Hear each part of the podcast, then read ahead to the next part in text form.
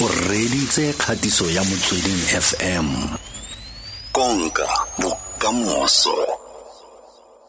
Moeng wa rona ke eh, mosadi yo re reng o bua dilo jaaka dintsi. Leina la gagwe ke je ke iphamotse ke mokwadi wa dibuka mmakgwebo ga mmogo le social activist.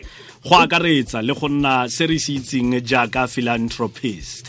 Ka ngwaga wa 2017 ke fa a tlhagelela ka magetla thata ka nako eo a neng a golola novel e neng e bidiwa the the blessers game. Ga a felela foo di le di a latelana jalo go itlha mo go e neng a e golola ya Bare the cradle of the hockey club. Yeah. Jackie o amogetse mo motsweding ya fm dumela. Le kae? Re teng le kae? Ke teng mobuti wa ka a re bua thank you so much for having me. A re bua nnete fa re re o motho yo o sa potologeng dilo yo o di buang jaaka dintse? No i'm a very straightforward sharpshooter kind of author. Um ke i think a lot of people especially people who follow me on social media would be aware. Yes. but for your listeners who are not aware maybe they would see through my writing that i'm a sharpshooter. Yeah. and i'm very straightforward even though the topics that I speak about are a little bit taboo and controversial, I think Yeah. that's the point of writing. You want to also bring people to certain spaces where they're uncomfortable to speak about things, but also they have an open mind to learn. So I think that's what my Yeah. writing is about. Um, I'm not a typical author who writes or, or fantasizes literature, but I, I write work that makes people question who they are, where they want to go, how they see the world, how they see um, South Africa. Um, also, just documenting our history as young people. I mean, our parents have their own history, and I think my writing highlights where young people are in the world hmm. right now. yo ngwaga o fetileng mo google search fa re ne re searcha ya leina la gago ne le tlhagelela ko godimo thata ga o simolola o re j e be feleletse re jackie phamotse mme ka nako Yeah, eo funny enough, you Yes. speak about Google, I was the most searched personality in South Africa in 2020. So Wow. It does not it does not shock me. Yes. It's quite quite an honor that Google Yes. was able to acknowledge my presence on the online spaces. yes go na le nako e no re tshwere jaaka aforika borwa ke tsa gore no re tshwere malatsi a mararo kgotsa a le mane um fa re pota ka fa ke wena fa re pota ka fa ke wena fa re pota ka fa ke wena o le motlotlo ka ntlha gore o buile ka nngwe ya dintlha tse go seng bonolo thata go buiwa ka tsone o bua ka batho ba ba bofang mme o bua ka di-blessers re tla tsena mo go yone mo kganteleng um, I really like conversations and Yes. I really like starting topics because Yeah. I just feel like there's so many things, also so many topics that we are not willing to speak about. Mm. And I think ene le mpone ke tsa di-live, I, I was really pressed. I really wanted to say things. Mm. Um, but I didn't mean to shock you if you were shocked, but I hope you learned one, one or two things from mm. this conversation. yes. Mm. Jackie um Stephen Bantu bonke uh are ukile o kile are I write what I like. When I or I tweet what I like. O lemogile leng um gore o itsere keng tota nna sentle sentle ke mokwadi. Eh e bileng ka golola dibuka tsa tsa tsa rekwa tsa gola jaaka dibuka tsa gago di rekwa. O lemogile leng gore o mokwadi I don't think I ever acknowledged it because being an artist comes creatively and naturally. Um, but I would say professionally, I published my first uh, um, project of work in 2017. But I started writing from a young age, like any other girl who writes, who wrote poetry, who write, who wrote songs, who read books. But professionally, I started um, jotting down my work in 20, 2014. ja Um, and the first book took, up, took about two and a half years to document and write and research. Um, but also, let's not forget, it's from personal experiences. So it's easier to write from what you know and what you have learned from people around you. Um, but go kwala professionally in 2017. Mm.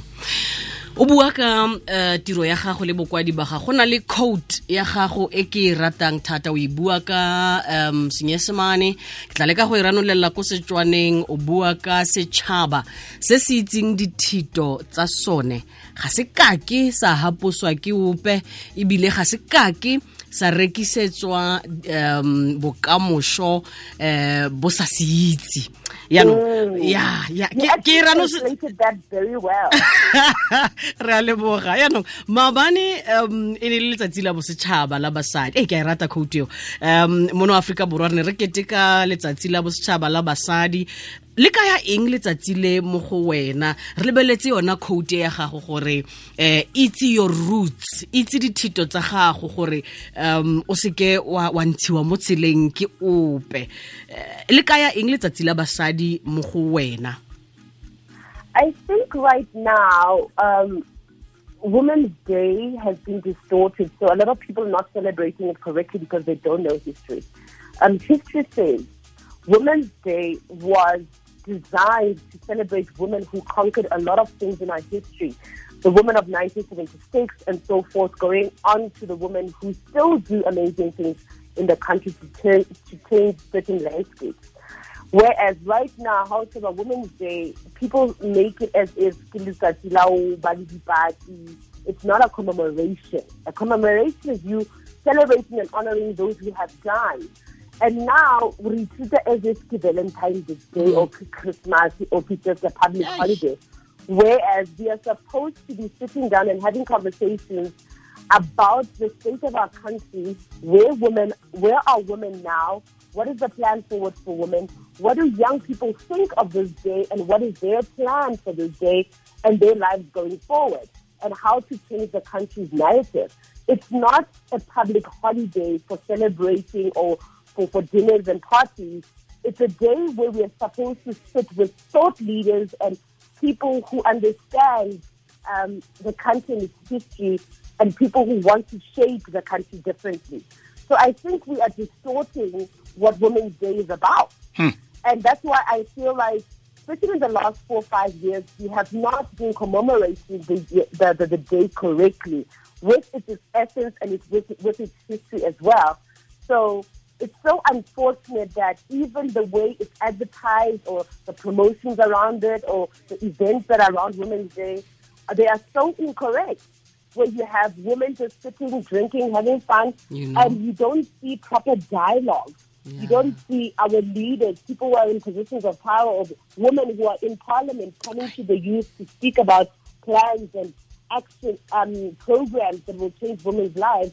I, I didn't see that personally. I didn't see um, anybody in political parties when it comes to women initiatives coming forward and say, okay, I'm from this political party. We represent women. This is what we have done. This is what we're doing about gender-based violence. This is what we're doing about the youth.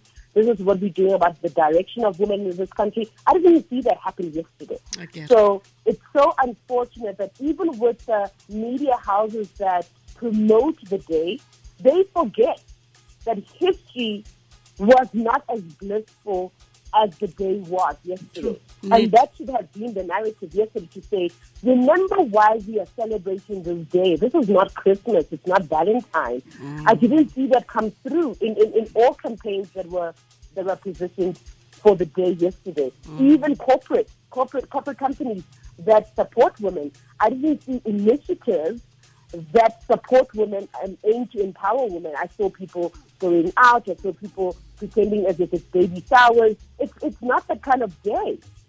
You know, we, we should re- be remembering women like Winnie Mandela. Um, you know, those kind of women. Uh, do we even have women that mirror that kind of woman? We don't.